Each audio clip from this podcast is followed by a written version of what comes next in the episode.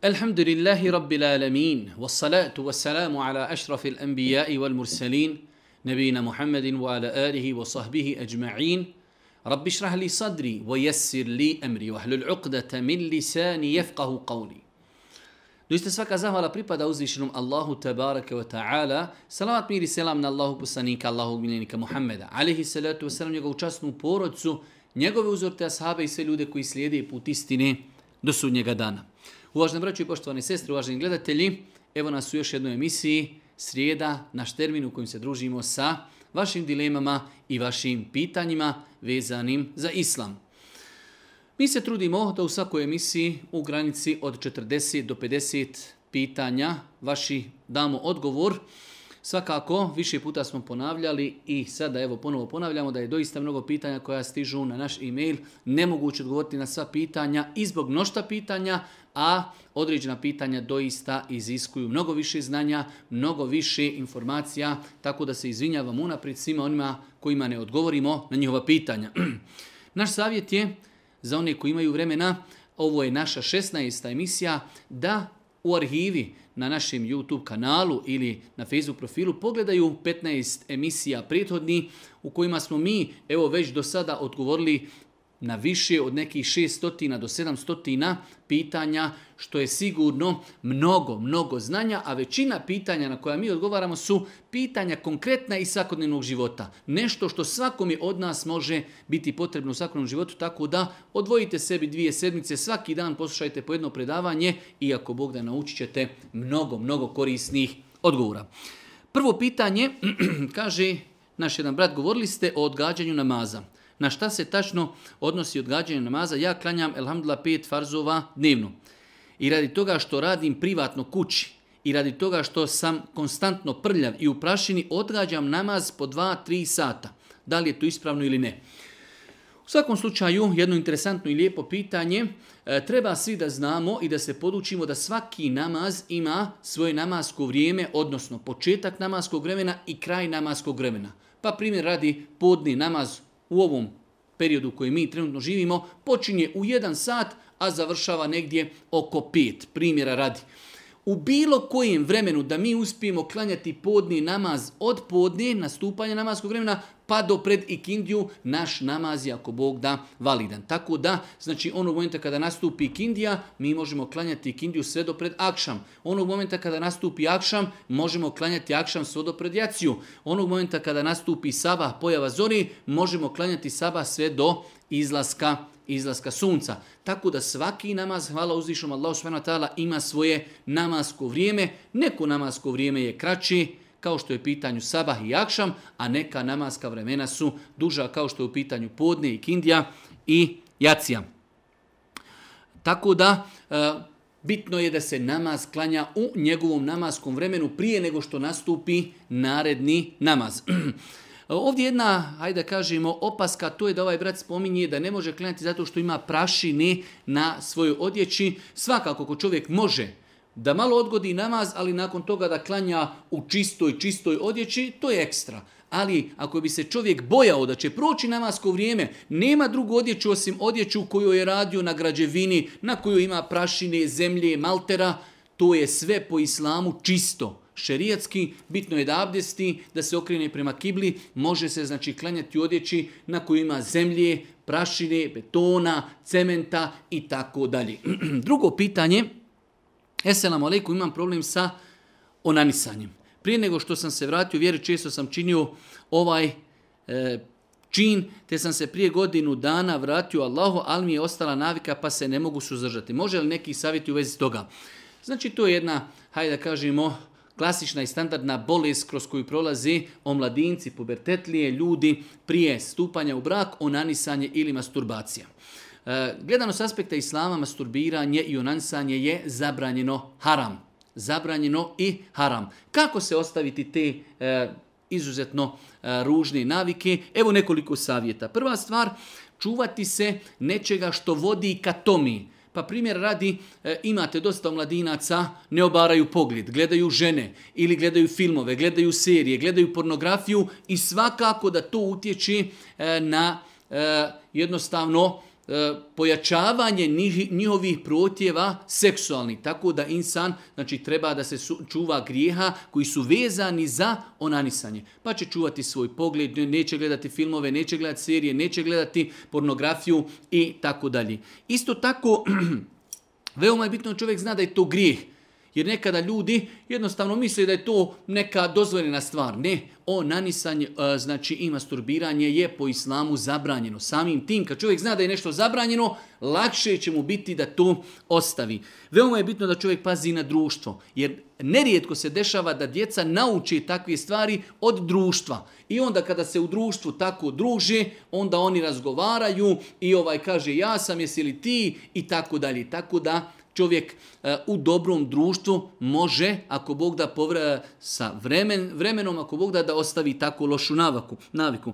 Isto tako, kao što je došlo u sunetu Božijeg poslanika, preporučio mladincima da posti, kako bi se jednostavno malo u datom momentu i ti porivi, protjevi, strasti smirile prilikom posta.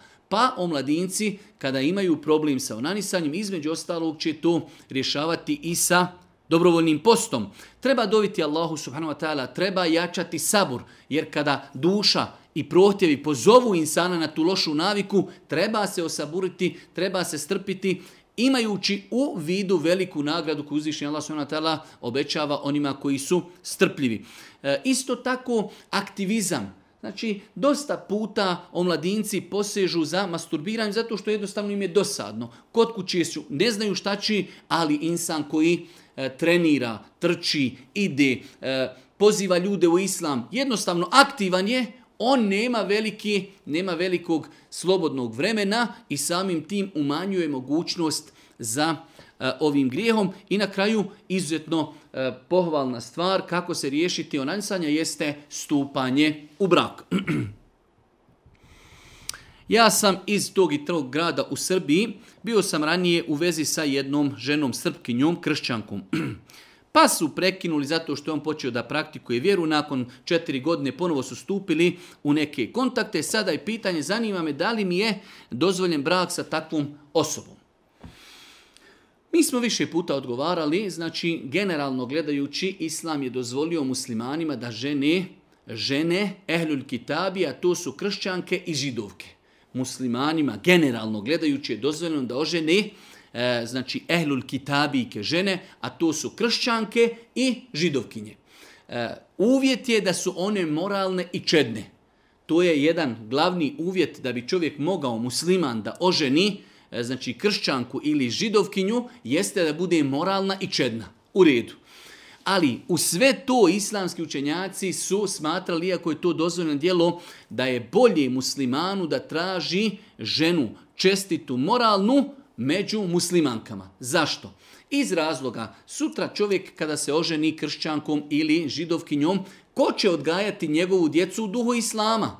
On je musliman, njegova djeca su muslimani. Kako će ta žena odgojiti dijete da obavlja namaz? Da vjeruje u Boga, ona ne vjeruje u Boga. Ona na kraju krajeva vjeruje pogrešno u Boga, vjeruje da je Bog jedan od troje kad su u pitanju kršćani i tako dalje.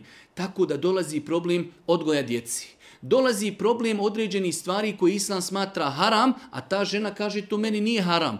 Pa će sutra žena reći ja hoću da jedem svinjetinu, hoću da konzumiram alkohol, ja ne želim da nosim hijab i mnogo nekih drugih stvari pa su islamski učenjaci kazali iako je taj čin dozvoljen, bolje je to izbjegavati. Tako da odgovor na ovo pitanje, ako je ta žena čestita, čedna i moralna, dozvoljeno ju je oženiti, ali islamski učenjaci su kazali zbog budućnosti, zbog stvari koje proizilazi eh, iz tog braka, bolje je odstupiti od toga i oženiti muslimanku. Esselamu alaikum, ako roditelji konzumiraju i puše cigare. Zatraži od mene da mu donesem iz kuće na terasu. Da li sam griješan ako mu to ne donesem? Pošto zna vršiti pritisak na mene ako to ne uradim. Generalno pravilo je teorija, a praksa je nešto drugo. Teorija je da nije dozvoljeno činiti grije da bi mi uradili određenu dobročinstvo nekomi. Tako da nema pokornosti, nema pokornosti nikomi od stvorenja ako je to nepokornost Allahu. Šta god da od nas neko traži što je nepokornost Allahu, mi se tu ne trebamo pokoriti. E sad ostaje, to je praks, to je teorija. Teorija je da ne treba, bez obzira što se radilo o roditelju, donijeti njemu alkohol ili duhan, zato što je to haram u islamu. Ostaje moment praktično kako to riješiti. Ja smatram da je jedini i najbolji način da čovjek prije nego što to se od njega zatraži, da sjedni i jasno svojim roditeljima na blag i lijep način kaže vidite, Allah vas nagradio. Ja smatram da to što konzumirate duhan je haram. Vi hoćete li to ostaviti nešto, ja, ja vam ne mogu to nametnuti na silu. Ali nemojte od mene očekivati bilo kakvu pomoć u pogledu toga. Jednostavno da na vrijeme on pretekne njih. Zato sutra kada mu to i kaže, kaže znate da sam vam rekao da vam to ne mogu urati. Mogu otići kupiti hljeb, opraću suđe, ako treba usisaću kuću, sve ću vam učiniti. Sve što je dopušteno. Ali nemojte od mene tražiti cigare, nemojte od mene tražiti alkohol. Tako da moj savjet o mladincima koji e, su iskušani time da žive sa svojim roditeljima, njihovi roditelji konzumiraju duhan ili alkohol ili nešto drugo što je zabranjeno narginu, da im prije nego što dođu u kritičnu situaciju kažu vidite to što radite je haram. Savjetujem vas da to ostavite. Ali ako vi to ne ostavite, nemojte mene petati u to, ja vam neću biti u tome pokuran i nemojte se ljutiti na mene. Nakon toga on je uradio ono što je mogao. Radim u Austriji, kaže jedan naš brat. Živim u Sloveniji u kojoj dolazim samo vikendom. Imam na mjestu obavljanja posla u Austriji stan i sve uslove za obavljanje namaza. Nakon toga kaže li ispravno u oba mjesta klanjati potpune namaze jer sam čuo da je obaveza koristio olakšicu putovanja. Znači imamo jednog brata koji je nastanjen u Sloveniji. Pet dana bude odsutan od kuće u Austriji, a to je, kaže, udaljen je od svoje kuće 130 km. Pet dana boravi u Austriji, nakon toga se vraća. U osnovi taj insan može se smatrati musafirom u osnovi taj insan, znači ako mu to gore nije adresa boravka, već ide gore za poslom, on se gore može smatrati musafirom. Da li može klanjati potpun namaz, pošto kaže ima idealne uvjete, da gore može klanjati i sunnete i farze potpuno, može li klanjati? Može klanjati i u Austriji kada se nalazi na putu može klanjati potpun namaz, nema nikakve smetnje i može klanjati i sunnete, ali ako ima ne potrebu da skrati namaz ili eventualno nekada da spoji, ima pravo zato što se smatra inšala musafirom. Imam pitanje da li će žene u džennetu biti pokrivene, da li će nositi mahramu. Jedno pitanje koje ne bi trebalo da nas mnogo opterećuje, da je doći do dženneta i da je doći do, do, do džennetskih hurija. Da li će one nositi mahrame ili ne, to nas ne treba mnogo interesovati, ali opet islamski učenjaci su govorili o tim pitanjima, ne postoje jasni dokazi iz kojih možemo shvatiti da li će žene u džennetu biti pokrivene ili ne. Ima hadiz u kojem Allah poslani kaže e, on je rekao jedan termin kojeg većinski dio učenjaka komentariši da se odnosi na mahramu, pokrivač glavi, da je rekao Allah poslanik, ljepotica, njen pokrivač glavi, znači njena mahrama, vrijednija je od toga i toga. Ali, e, prvo što u pogledu tog hadisa postoji i druga tumačenja te riječi. S druge strane, ne mora značiti da ako ona ima mahramu, da sve ostale druge žene su pokrivene. Tako da ne postoji jasan argument na osnovu kojeg bi se moglo tvrditi da li će žene u džennetu biti pokrivene ili ne. Pratim vas na Facebooku i danas ste objavili post o bezalkoholnom pivu. I kako ispod objave ne mogu staviti komentar, ja sam i tako osjećam potrebno nam napišim kako? Bez obzira što na flaši piše bezalkoholno znatno, može biti i 0,5 alkohola. ja ne pijem alkohol i tako dalje, ali na kraju kaže informisao sam se i postoji i pivo koji zaista ima 0,0 alkohola. U svakom slučaju, braću, moja draga i ciljni sestre, E, ja nisam dugo vremena želio da iznosim svoj stav u pogledu bezalkoholne pive i u možda neki proteklih dva, tri mjeseca prvi put sam dao javno odgovor u pogledu toga. Lično smatram da nema ništa sporno u tome da čovjek pije bezalkoholnu pivu. E, prva stvar, što veliki brendovi, velike firme kada kažu bezalkoholna piva, oni zakonski moraju to ispoštovati pod pretpostavkom da u nekoj pivi bezalkoholno ima 0,05, to opet ne čini tu pivu zabranjenom jer nema toliko dovoljno u njoj alkohola da čovjek može osjetiti opojnost alkohola.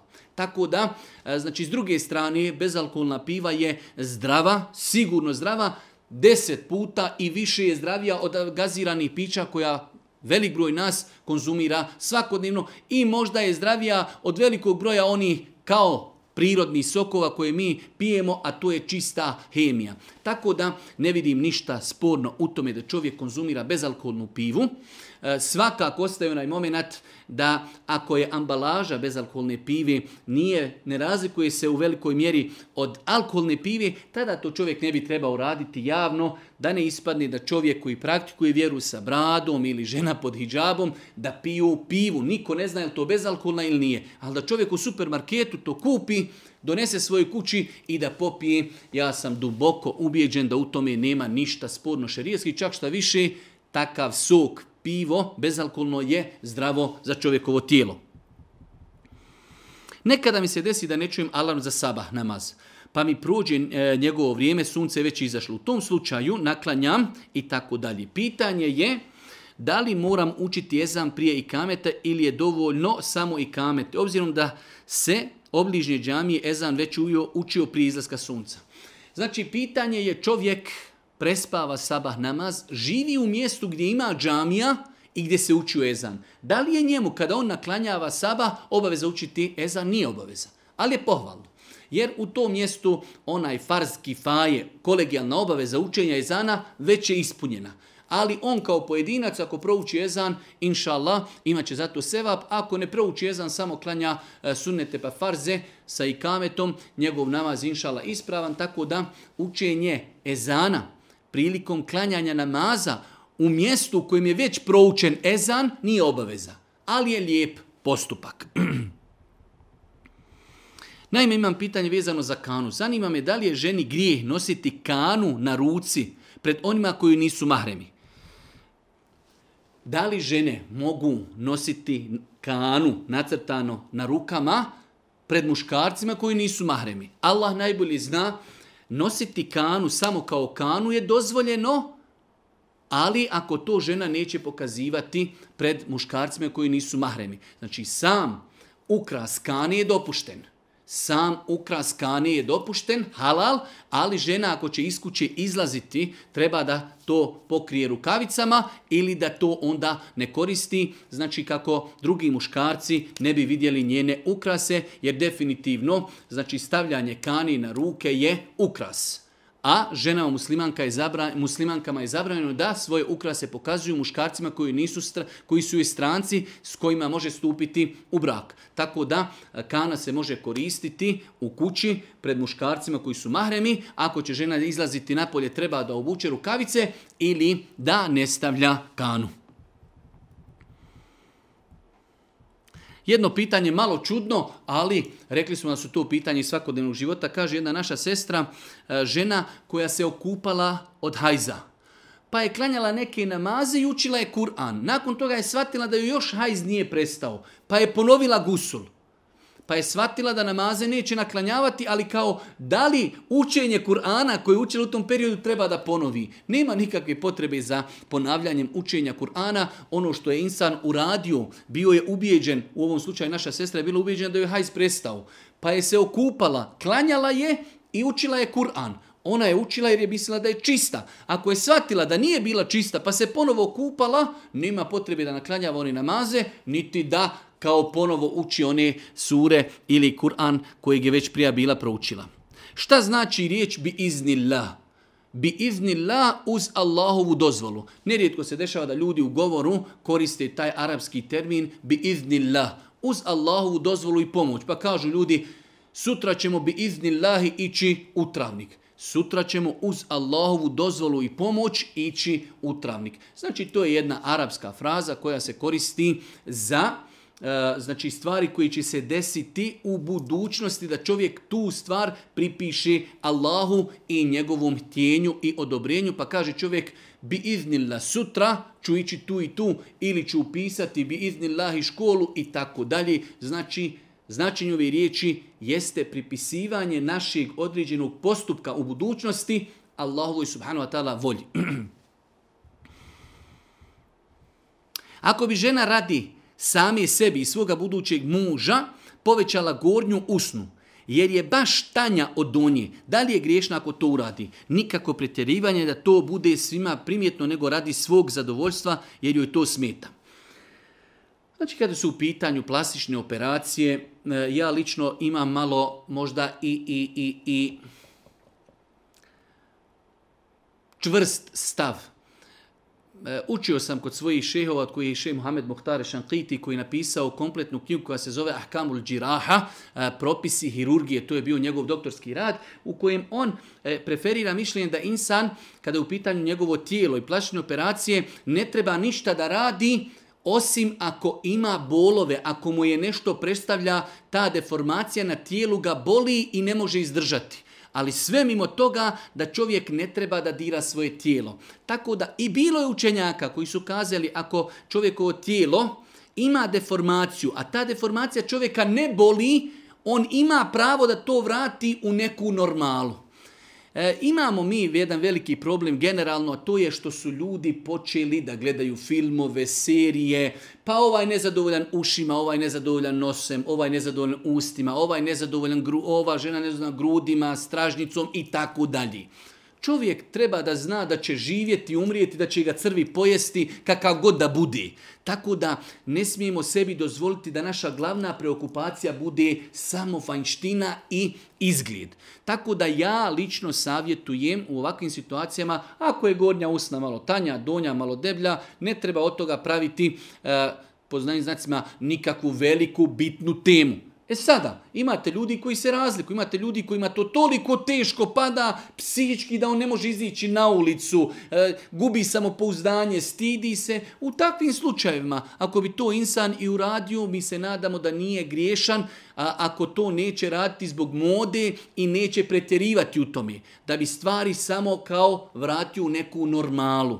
Tako da e, u mom ovom konkretnom slučaju, e, ako bi to ova sestra ostavila, radi Allaha te barakatala ne dira svoje tijelo, ja se nadam da je to bolji. Ako bi ona to i uradila, da bi jednostavno stvari svojih usana dovela u neku normalu, nadamo se inšala da nije griješna. E, htio sam da pitam da li je dozvoljeno da ođa uči hatmu umrlog osoba, jer ne znamo mi učiti Kur'an, a hođa će učiti za pare. Hvala unaprijed. E, nije ispravno platiti nekome da uči Kur'an i da se to pokloni našem Megitu, a mi to platimo nekome. Ako neko želi da prouči od sebe besplatno, ehlen vesehlen, sehlen, dobro i jest. Mi treba da ono što znamo od Kur'ana proučimo Fatihu, proučimo Kulhu Valla, Kul uzubi rabil Fela, Kul uzubi rabi Nas, Ajetul Kursi, što znamo od Kur'ana i da to poklonimo našem mejitu. Ali da plaćamo nekome da to uradi, neispravno je, tako da znači insan ne treba to da radi. Da li je dozvoljeno držati u kući preparirane životinje? Ptica, glava od ovna i tako dalje. Da li se to smatra figura i slika? Ne smatra. Islamski učenjaci su dozvolili da se životinje prepariraju i da se kao takve drži i da se kao takve drži u kući. To ne potpada pod zabranu držanja slika na zidovima.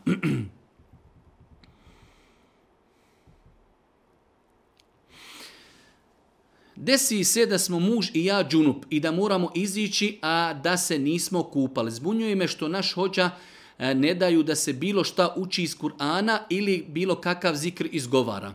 Pa kaže naša sestra ova, znači ima problem nekada e, muž i žena imaju intimni kontakt, izlazi iz kuće, a čuli su mišljenje da ne smiju ništa kazati što je od Kurana. Ne smiju kazati bismila ako piju vodu, ne smiju kazati smila kada krenu voziti auto, niti ako jedu elhamdulillah i tako je. Što je neispravno? Znači, e, većinski dio učenjaka je smatruo da čovjek kada je džunup ne može učiti Kur'an. I to je u redu ali učiti zikr, izlaska iz kuće, bismillah, oblačenje cipela, e, nakon jela kazati alhamdulillah, jer kella kada neko kihni, pa čak, kažu islamski učenjaci, koji su zabranjivali da se uči Kur'an u džunup stanju, oni su dozvolili da se Kur'an uči kao zikr. Pa prije radi prije spavanja koji sam džunup može proučiti ajetul kursi. Tako da nema nikakve smetnje kada je osoba u džunup stanju da zikri, da veliča Allaha, subhanallah, alhamdulillah, Allahu ekber, la havle wa la kuvata illa billah, bismillah, tevakeltu, ala Allahi i tako dalje. Dova izlaska iz kuće, ulaska u, u kuću, dova prije jela, dova nakon jela, sve je to ako Bog da dopušteno. Da li je primljen namaz osobi u so, namaz u sobi u kojoj ima slika živih bića. Ovdje nam je navedeno duže pitanje da je jedna djevojka otišla kod svoje nani koja ima 90 godina. E, nani nije htjela da skloni slike sa zida. Da li je ispravan namaz u takvoj sobi, u takvoj kući? Da. Insan treba znači da pokuša ako može da ukaže ljudima da je zabranjeno držanje slika e, na zidovima na kojima ima živi bića. Ako oni poslušaju dobro jest, ako ne poslušaju, on može klanjati u takvoj prostoriji i njegov namaz je inšallah ispravan. Imamo jedno malo duže poročno pitanje, ja sam ta i ta iz tog i tog grada u Srbiji. Trenutno živim u Njemačkoj, imam problem sa majkom i sestrom. Sestra mi je završila medresu, islamski fakultet, majka moja klanja posti i tako dalje, išla je na hač, ali moja sestra mene i moja dva brata ne može da smisli. I onda dalje pojašnjava kako ta majka uvijek staje na stranu te sestre koja ne voli svoju rođenu sestru i ne voli svoju braću, ne priča s njima, do te mjere je toliko utjecala na majku da majka je zabranila njenim, njenoj sestri i njenoj braći da ju dolazi. Generalno šta u takvoj situaciji raditi? Nema se tu mnogo šta raditi treba insan da pokuša da ostane u kontaktu sa svojom majkom. Hoćemo mi doći, imali bujroma, nemojte doći, mi smo pokušali. E, trebaju roditelji da se pazi kada je u pitanju ljubav prema djeci i naklonost mnogo problema E, na našem podneblju i na drugim podnebljima kroz historiju nastaje onog momenta kada roditelji jedno dijete voli više od drugih, kada ga preferiraju više od drugih. Tako da roditelji treba da budu pažljivi kada je u pitanju odnos prema djeci, nikako da dozvoli da jedno dijete forsiraju, da ga favorizuju, da njega više voli, da njemu više daju, da samo njega uvažavaju, da samo od njega slušaju, to je velika greška i plodovi te greške ostaju dugotrajno u porodcama. I poslije kada roditelji umru, ostaje to među djecom, tako da roditelji treba da pazi. Ovo je generalni savjet svim roditeljima kada su u pitanju djeca, da pažljivi budu prema djeci, da ne izdvajaju jedno dijete, samo njemu vjeruju, samo njega voli, samo njemu ispunjavaju želje i, i tako dalje. Samo se na njega sažaljevaju, drugi ako rade nije problem, drugi i tako, to je greška. Roditelj treba da bude objektivan, Čak su islamski učenjaci spominjali da su selef, ljudi iz prvih generacija, bili pravedni u pogledu poljubaca. Pa ako poljubi jedno dijete, gleda da poljubi svako drugo svoje dijete. A da ne govorimo u nekim drugim većim pitanjima, velike nezgodne posljedice dolaze u porodicama kada roditelji favorizuju i kada daju prednost jednom djetetu nad ostalom djecom. Čuvajte se takvi pojavi.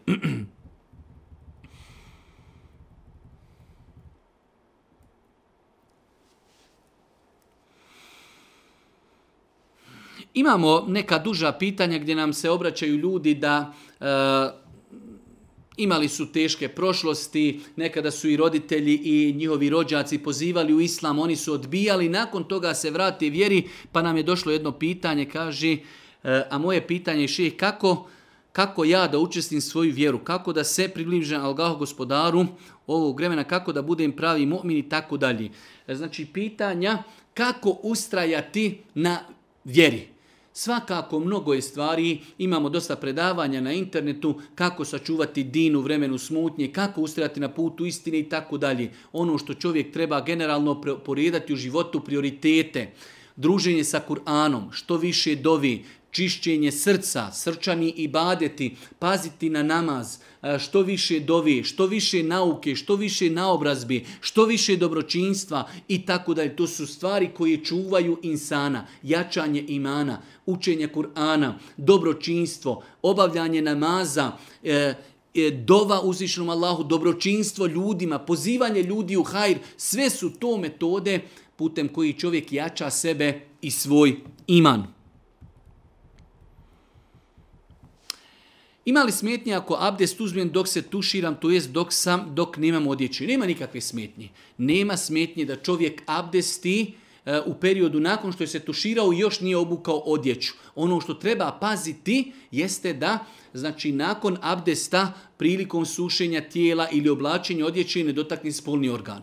Jer smo rekli da po ispravnom mišljenju doticanje spolnog organa sa strašću ili bez stvara, strašti kvari abdest. Tako da insan ako je abdestio u toku e, nakon tuširan, kada nema na sebi odjeće, nema smetnje da abdesti, ali kada se bude sušio peškirom ili kada bude oblačio odjeću, treba da pazi da ne dotakne rukom spolni organ, jer smo rekli doticanje spolnog organa po ispravnom mišljenju učenjaka kvari abdest.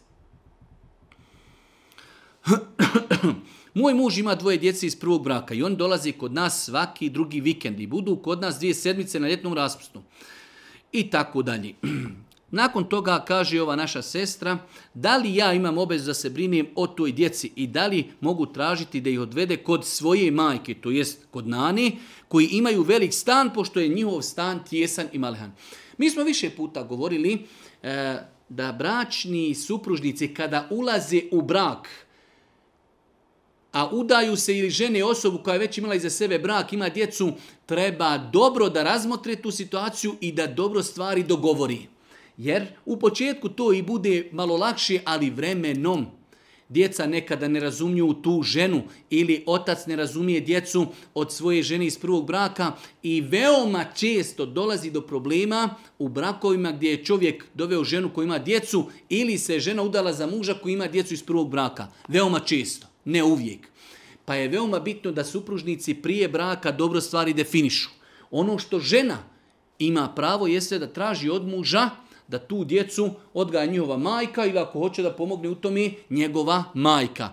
Ona ima pravo da se povuče iz svega toga. Ja želim da imam svoju kuću, odgajam svoju i tvoju djecu. Tvoja djeca iz prvog braka su tvoja odgovornost. To je njeno pravo ali ostaje, znači rekli smo više puta, taj moment bračne harmonije, svakako ta žena zato što je to njen muž, ima sa njim djecu, treba da bude malo i fleksibilna, pa da mu i ona malo pomogne, pa da ta djeca dođu s vremena na vrijeme kod njih, da se upoznaju sa tom njihovom djecom, znači iz njihovog braka, sve u nekim granicama, da muž razumije da ženi to nije obaveza, da žena opet razumije potrebu muža da ta njegova djeca budu uz njega i tako dalje. Pa tu treba tražiti neku zlatnu sredinu i kompromis.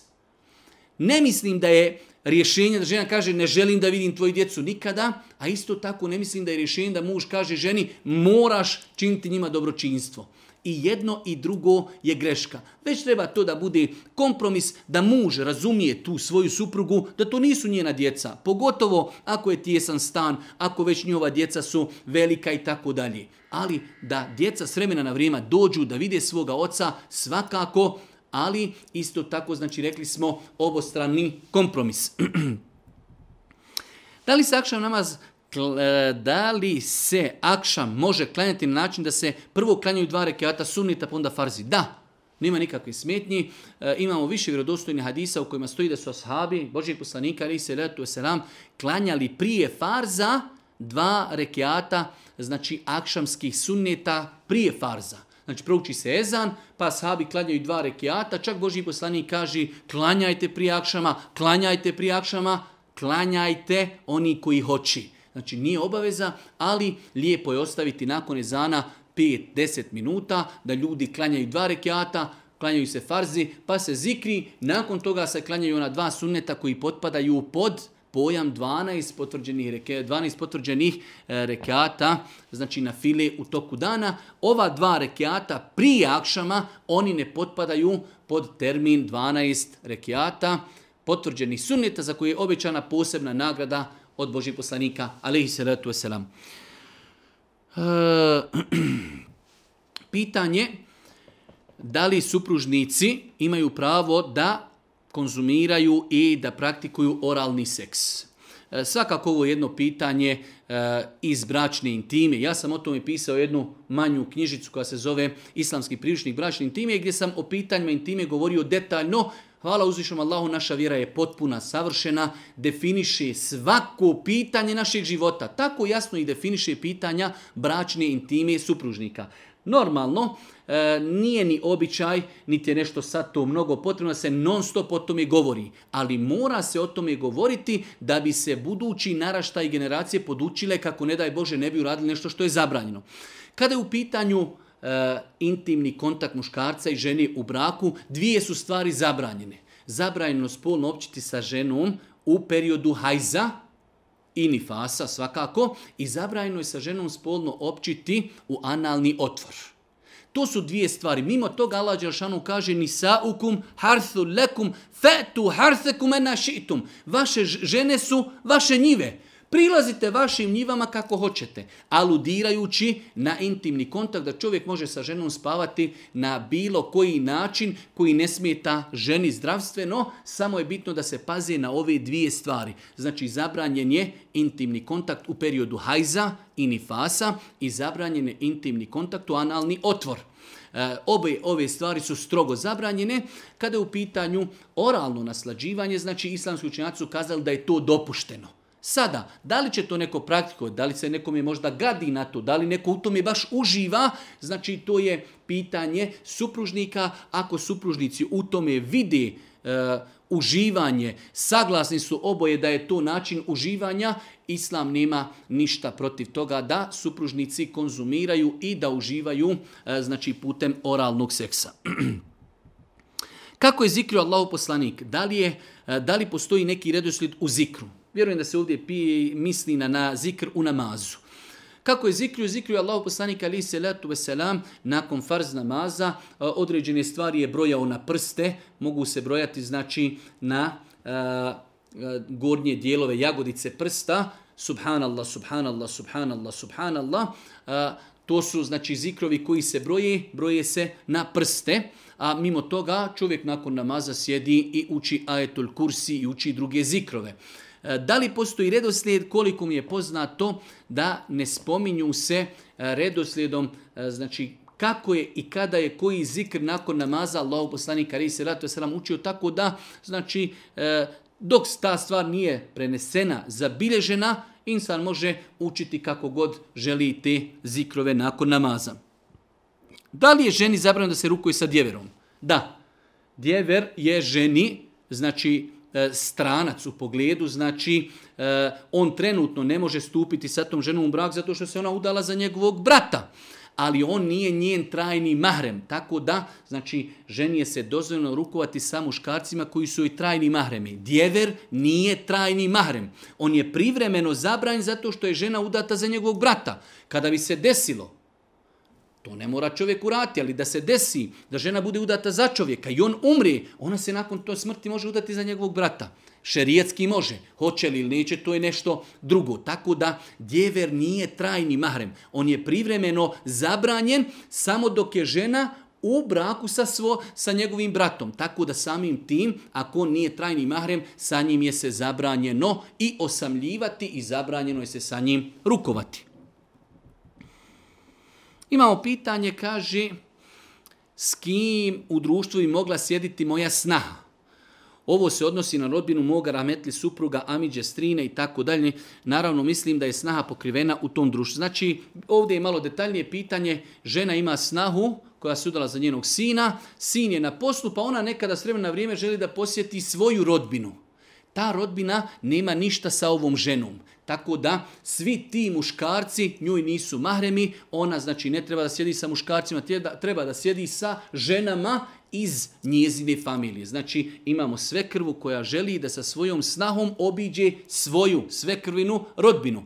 S kime može ta žena njezina snaha da sjedi? Može da sjedi sa ženama iz njene rodbine, a kada su u pitanju muškarci, oni joj nisu mahremi, pred njima treba da bude pokrivena i ne treba s njima da se osamljuje, niti treba da sa njima sjedi.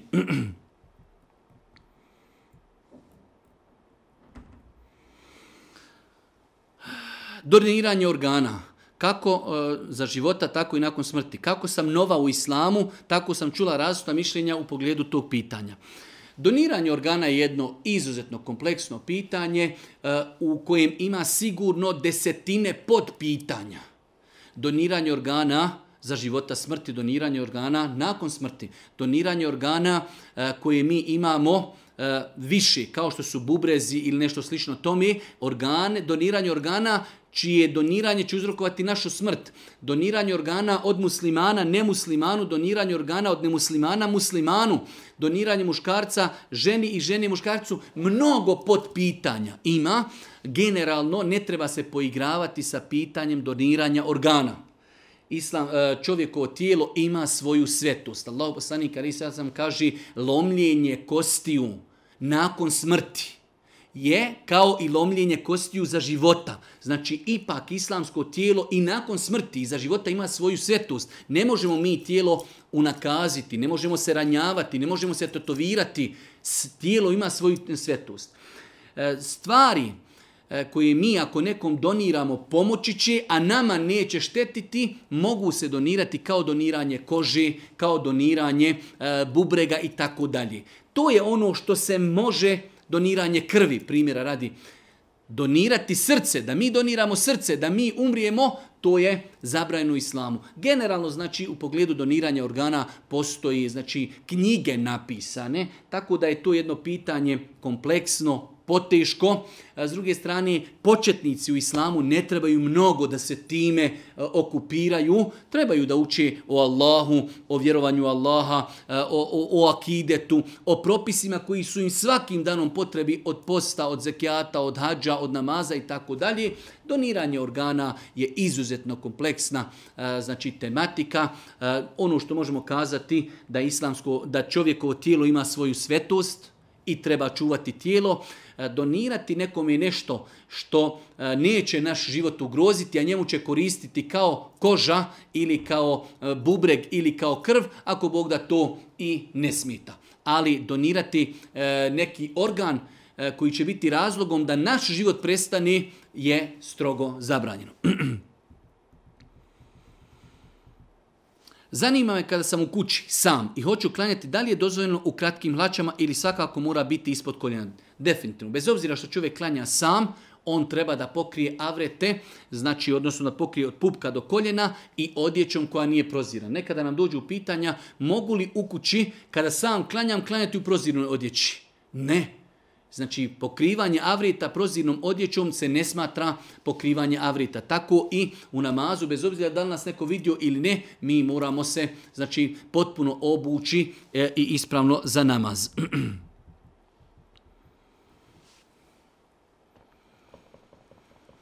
E, pitanje, kada je u pitanju abdest, e, uzme, posljednje vrijeme, kada abdestim, uzme toliko E, šetan nešto me pritišće da ne klanjam. Kako se oduprijeti tome? E, na faka mi se okrenula nikako da kreni naprijed e, imamo znači pitanje, više pitanja dolazi da ljudi kažu počinju se vraćati vjeri, počinju klanjati, ali imaju velik pritisak, ne da im se klanjati. Šta je tu? Jednostavan odgovor. Šetanu je se teško pomiriti da je neko ostavio njegov tim, njegovu ekipu i da je krenuo putem istine. Pa šetan došaptava, pa šetan pritišće, pa šetan eh, došaptava čovjeku loše misli, samo treba ustrajati. Treba to došaptavanje i ignorisati. Znači, kada insan kreni klanjati, treba da maksimalno bilo kakva šetanska došaptavanja ignoriši. Jer šetan tada pritišće čovjeka, žao mu je što se rastaje od svog dugogodišnjeg jarana. Jer je to njemu jaran, pozivao ga u birtiju, u kafanu, u blud, ovaj ga slušao, ovaj sad krenuo da klanja, šetanu je se teško pomiriti sa tim, pa mu došaptava, pa ga uznemirava, pa pa i tako dalje. Insan treba da to ignoriše, da se bori protiv toga i da ustraje u ibadetima. Jedan omladinac nam se javio, kaže živim trenutno u Njemačkoj, e, mlad je i on kaže između ostalog moje pitanje, da li vjera dozvoljava da upražnjavam svoje seksualne potrebe sa ženama koju je to posao? slobodan sam i momak sam, imam potrebu za intimom i tako dalje kao i svaki muškarac. Znači čovjek je otišao na zapad, gore radi, gore imamo žene čiji posao je da nude seksualne usluge i svima je to nama poznato javne kuće.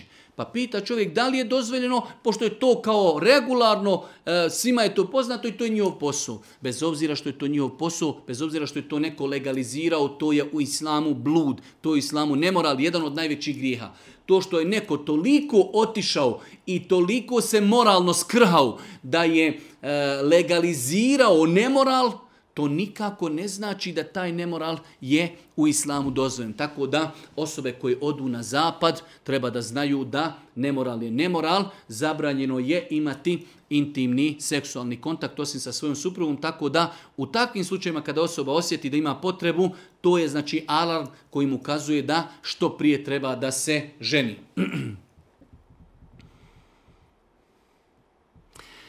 Pitanje, pronađeni su neki bijeli konci u nekom predmetu. Jedan šeh tvrdi da su to sihri i dijete imalo reakcije na ruku i tako dalje.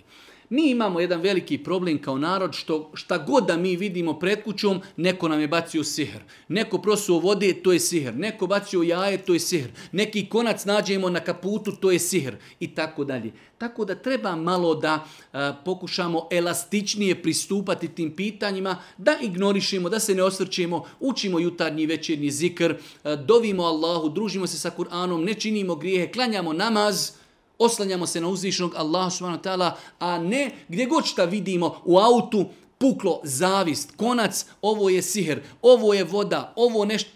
Mnogo, mnogo ljudi pažnje posvećuju tim stvarima, tako da, iako smo nešto našli, bismillah, zapalimo, raščupamo i idemo dalje. Esselamu e, alaikum. Zanima me, pošto je muž odsutan, za nekoliko dana ću roditi, da li mogu ja proučiti bebi ezan na uho kao majka? Ispravno je mišljenje ako ne može niko od muškaraca proučiti ezan. Opet po mišljenju da ezan se uči. Ja lično sam stava da se ni ezan ni kamet ne uči. Iako znači u pogledu učenja ezana postoji jako mišljenje da se će novorođenčetu može na desnu proučiti ezan. Ali u slučaju da onaj ko zastupa stav da se dijetu novorođenče tuči ezan, može li majka proučiti ezan, ako nema muško, može. Kažu islamski učenjaci u svojim fetama i knjigama, ako nema muškarca, majka će uzeti svoje novorođenče i na desno uho bez nekog ogromnog podizanja glasa, jer je cilj da to dijete čuje riječi teuhida, ono će ih čuti i bez neke galami, tako da majka može prigliti svoje dijete novorođenče i na desno uho mu, ako Bog da, proučiti ezan, tako su rekli islamski učenjaci u svojim knjigama. Zašto govorim? Kako neko ne bi pomislio da mi nešto govorimo od sebe. učim hatmu, učim hatmu jednoj umrloj osobi i kćerka te žene mi je kao zahvalu za to dala nešto para. Ja sam tu izbjegavala, da li mi je dozvoljeno to uzeti? Znači imam osobu koja želi nekome da prouči nešto od Kur'ana, pa neko od rodbine te osobe koji su uči Kur'an dođe i želi da nagradi tu osobu. Nadam se da to nije sporno ako to nije bilo uvjetovano ili ako to nije prešutno uvjetovano. Imamo znači uvjetovanje da dođemo i kažemo vidite ja učim hatmu za 100 maraka. Imamo drugo uvjetovanje koje je prečutno, a to je svi znaju kada kod mene dođu da ja učim hatmu za 100 maraka iako to nikome ne kažem ali čovjek dođe i kaže prouči tome, evo ti sto maraka. I to je prešutno uvjetovanje. Ali da čovjek zaista dođe i da kaže možeš li mome sinu proučiti nešto, I kažeš mogu. I čovjek prouči nešto od Kurana, nakon toga čovjek dođe vidi stid me je tebe, ti si odvojio svoje vrijeme, ja ne znam učiti u Kuranu, evo ti neki poklon.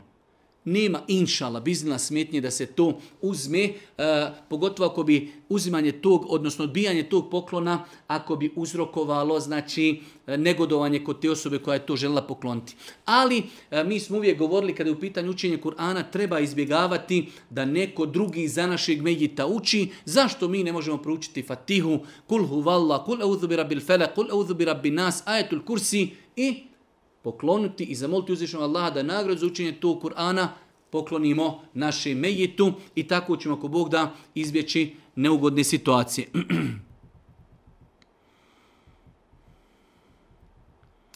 Jedna naša sestra kaže da je ona i njen muž su vidjeli pored cesti e, malo štence, pa su ga oni udomili. E, E, štence, taj pas bude pred kućom, oni nemaju potrebe za tim, da li je sada njihov grijeh da imaju to, tog psa u dvorištu? Svakako.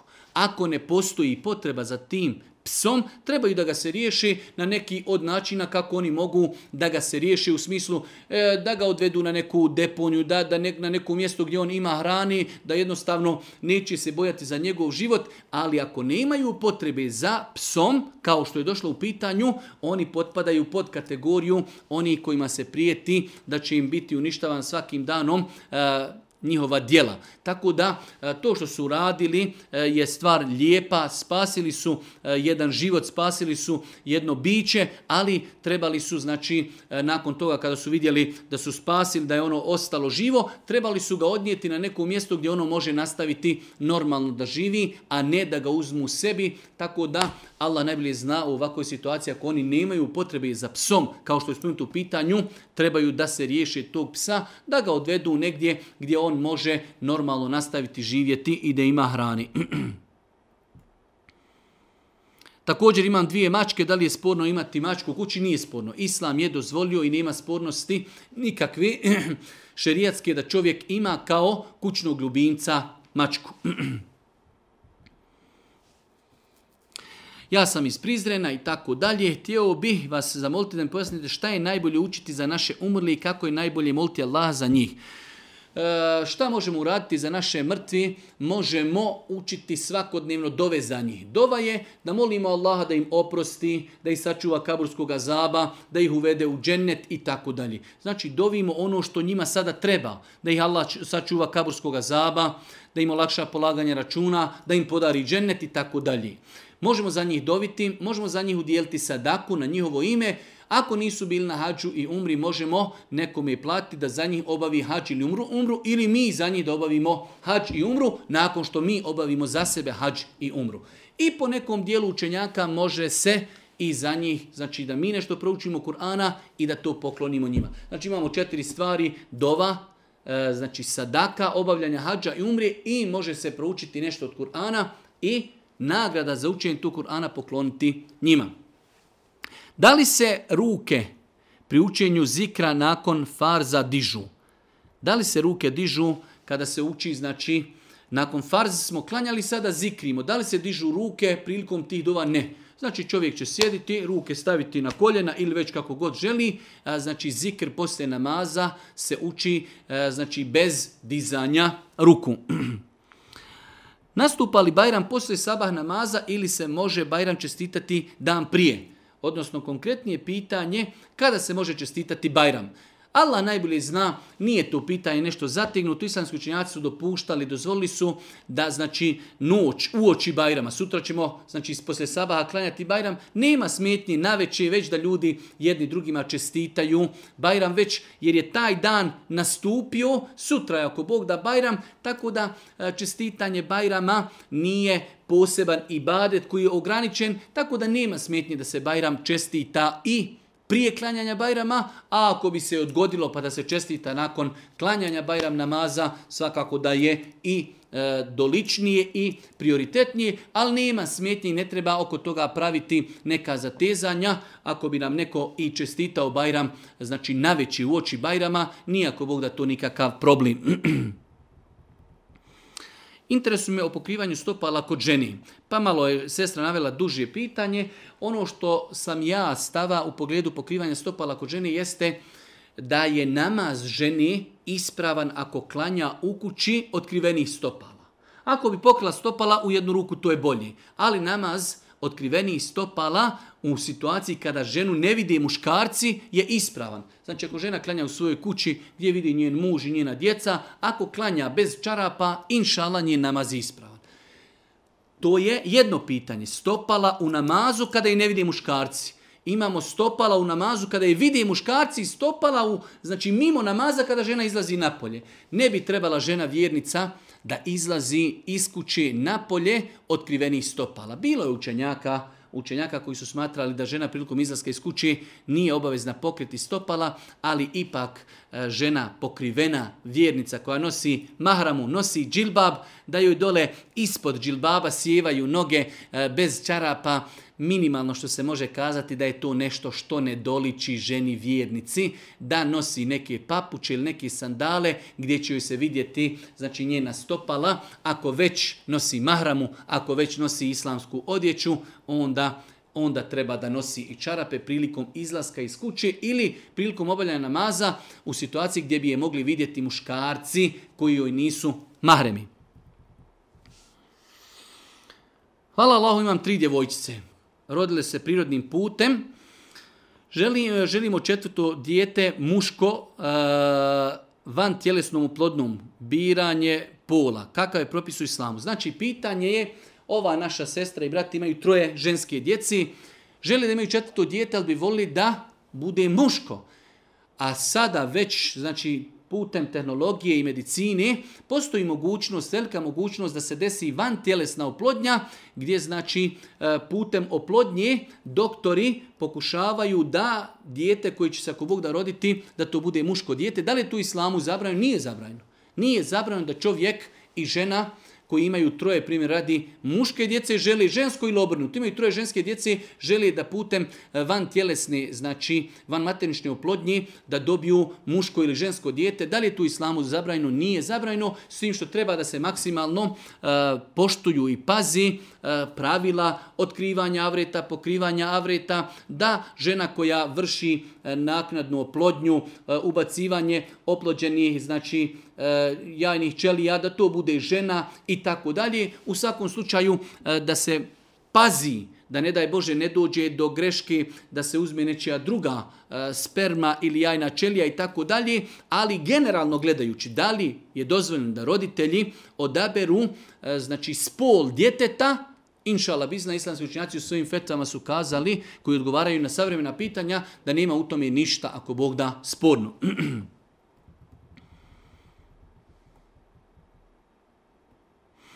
E, jedan brat se žali da ima problem, ostavio je mnoge negativne e, osobine, ali kaže e, svemu tome sam stao u kraj, međutim ne mogu da se riješim lažnog govora i da održim svoj namaz. Znači ima dvije, e, dva velike izazova, lažan govor, ne može dostavi laži i da ustraju namazu. Kako da ustraju namazu? Pa, kako ustrajati? Ustrajati znajući da je to najbitnije dijelo, znajući da je ostavljeno namaza jedan od najvećih grijeha, druženje sa Kur'anom, dovom, lije, e, znači e, da ima čovjek lijepo društvo koji će ga posticati da ide na namaz trudom, željom, htjenjem, čitanja hadisa koji govori o vrijednosti namaza, čitanja hadisa koji govori o opasnosti ostavljanja namaza, i tako dalje. Znači sve su to neki načini, metode kako ustrajati na obavljanju namaza, a slično mi je kako ostaviti lažan govor, biti svjestan činjenici da je jezik blagodat, da, da je laganje u islamu strogo zabranjeno, da ćemo biti pitanje za svaku riječ koju smo izgovorili, druženje sa čestim moralnim osobama koji ne lažu, kontrolisanje svoga jezika, pa u datom momentu možda i neko... Eh, kao neki vid kazne. Čovjek kaže, kada god slažim, ću sadaki 100 eura pa ćemo vidjeti kako ćemo brzo ostaviti e, loše navike i tako dalje.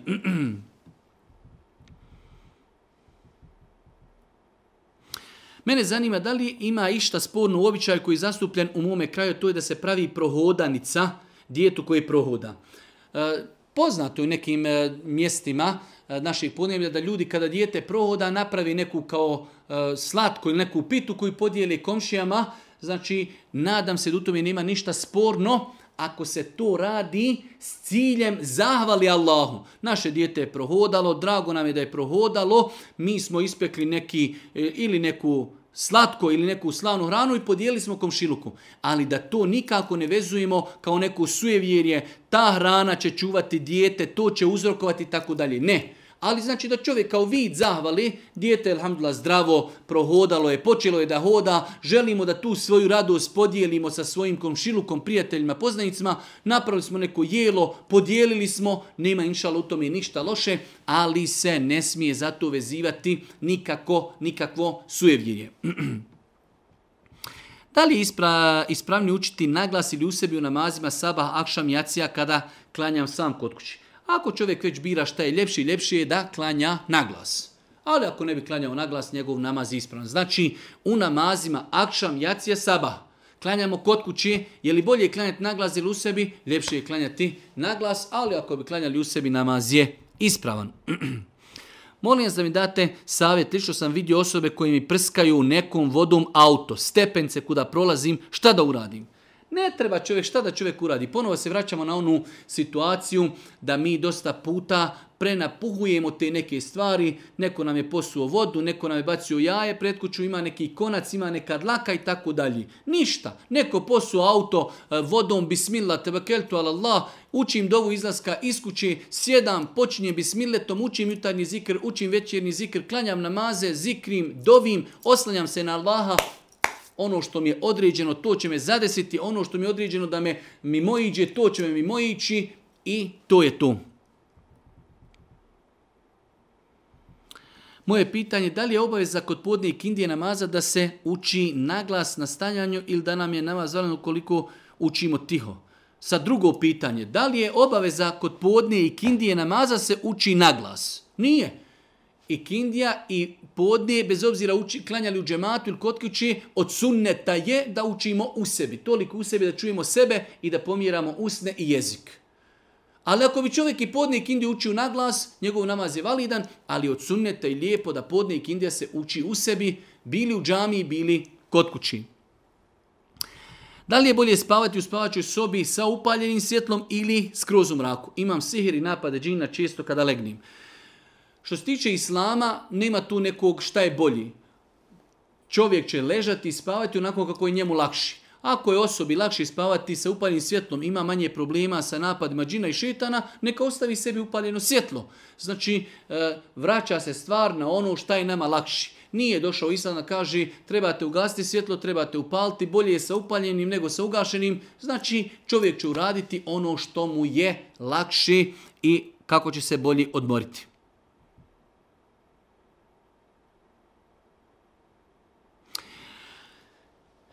Evo ovako, račun za struju nije bio isplaćen na vrijeme i to se nije prvi put, to se nije prvi put do sad desilo, ali ja nisam bio upućen i u to da dolazi zatazne kamate.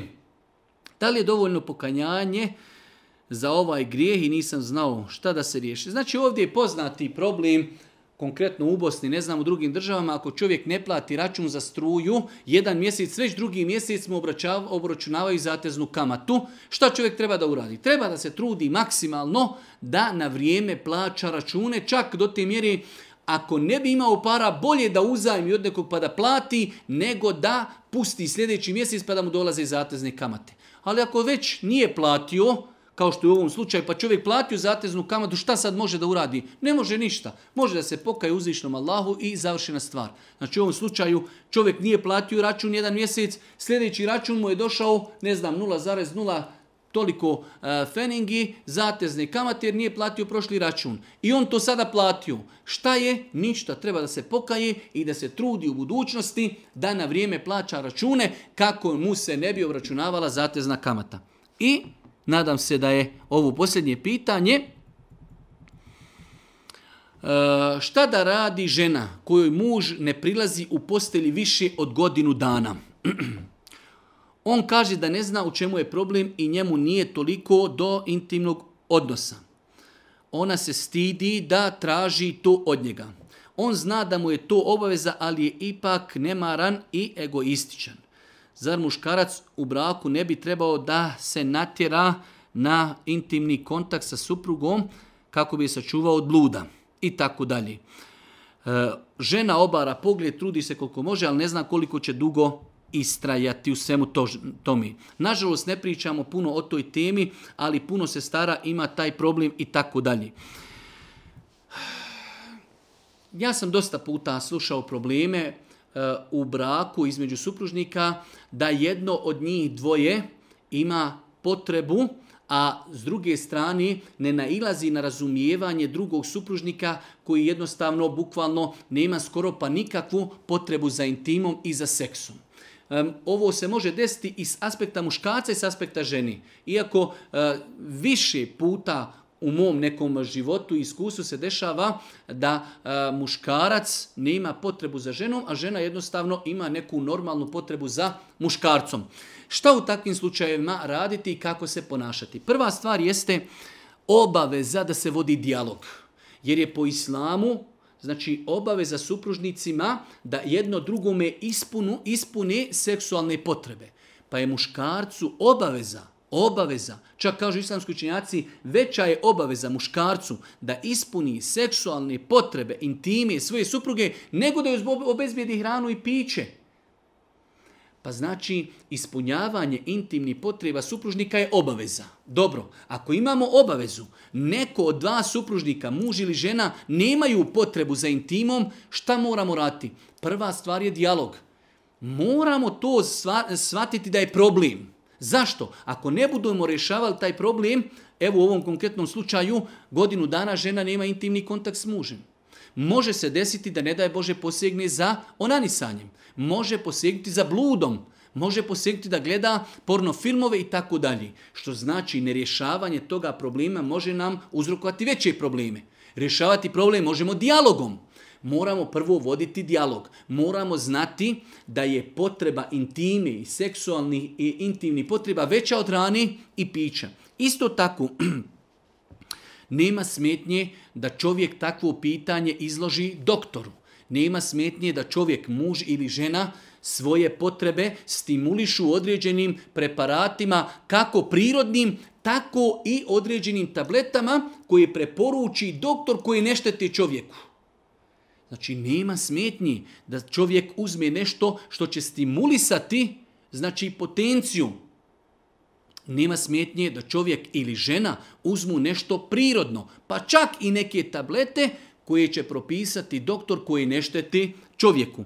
Isto tako čuvati se grijeha, jer nerijetko se dešava ili muž ili žena kada čine grijehe, kada gledaju druge osobe, kada gledaju filmove, kada gledaju serije, kada imaju e, onanisanje i mnoge neke druge stvari, Allah subhanahu i kazni na način da više nemaju želje, da nemaju seksualne potrebe prema svom vračnom supružniku. Čuvati se grijeha. Razumjeti drugu stranu. Pogledajte godinu dana to što muž nema potrebu. Treba da razumije da njegova žena ima potrebu. Da on nju stavlja u jednu nezgodnu situaciju gdje ona može posegnuti za nečim što je haram. Tako da, znači, moramo voditi dijalog, moramo tom problemu pogledati u oči, moramo se konsultovati sa školovanim učenim osobama i struke. Je li problem medicinski, je li nekada problem da je to nastalo kao plod straha, Dozvoljeno nam je koristiti određene stimulanse prirodne pogotovo, a i vještački uz konsultovanje sa doktorima.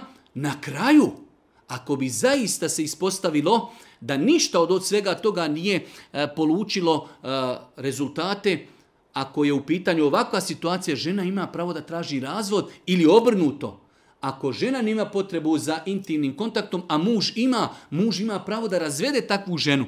Pogledajte, Islam je savršen, islam je lijep, do te mjeri da znači žena, ako muž nije ispunio njene intimne potrebe, ona ima pravo da traži razvod braka, jer jednostavno boji se da će uraditi nešto što je zabranjeno. Tako da možemo rezimirati naš odgovor, treba o tom i razgovarati. Ne smijemo taj problem ignorisati. Trebamo tražiti kompromis. Trebamo se konsultovati sa ljudima iz struke, iz, sa medicinarima, uzimati nešto što će stimulisati e, znači čovjekovu potenciju ili ženinu e, od prirodnih stvari pa i na kraju krajeva i medicinski ili vještački stvari e, trebamo razumjeti drugu stranu koja ima potrebu, koja je normalna, koja je normalna jer je uzvišnji Allah tako stvorio i čovjeka i ženu da imaju potrebu za drugim spolom. Ako bi se desilo da to pitanje ne možemo riješiti, onda druga strana ima pravo na razvod braka. Insan može svome supružniku nanijeti veliki zulum i nepravdu ako ne ispunjava njegove potrebe intimi. Ako smo rekli da je potreba intime veća od potrebe za hranom, kako bi se mi opodili prema čovjeku koji svoju, svome supružniku uskratio hranu i piće? Pa uskratiti nekome ono što mu je halal, da zasiti svoje potrebe intime na halal način, mi ako mu to uskratimo, mi mu činimo zulom, činimo mu nepravdu. Tako da je ovo jedno mnogo bitno pitanje E, da ne govorimo koliko e, negativnih naboja nastaje u kući onog momenta kada supružnici nemaju uravnoteženu, uravnotežen odnos kada je u pitanju ispunjavanje seksualnih potreba, jer je nelogično očekivati da sutra žena bude vesela, da bude pokorna, ako muž nije ispunio njene seksualne potrebe i obrnuto. Nelogično je očekivati od muža da bude vesel, da, da znači donosi na faku i da radi ako, ako njegova supruga njemu nije ispunila njegove seksualne potrebe, tako da znači neispunjavanje intimnih potreba ostavlja negativne posljedice na raspoloženje u jednom braku. Allah vam dao svako dobro. Nadam se ako Bog da, da smo uh, u ovom našem 16. E, druženju čuli mnogo toga korisnog. Molim Allah subhanahu ta'ala da nas poduči korisnom zanju. Molim Allah subhanahu ta'ala da nam bude milostiv na sudnjem danu. Na kraju subhaneke. Allahumma da bihamdike. Šedun in la ilaha ilan stakfiruke. Wa etubu ilaik. Ah,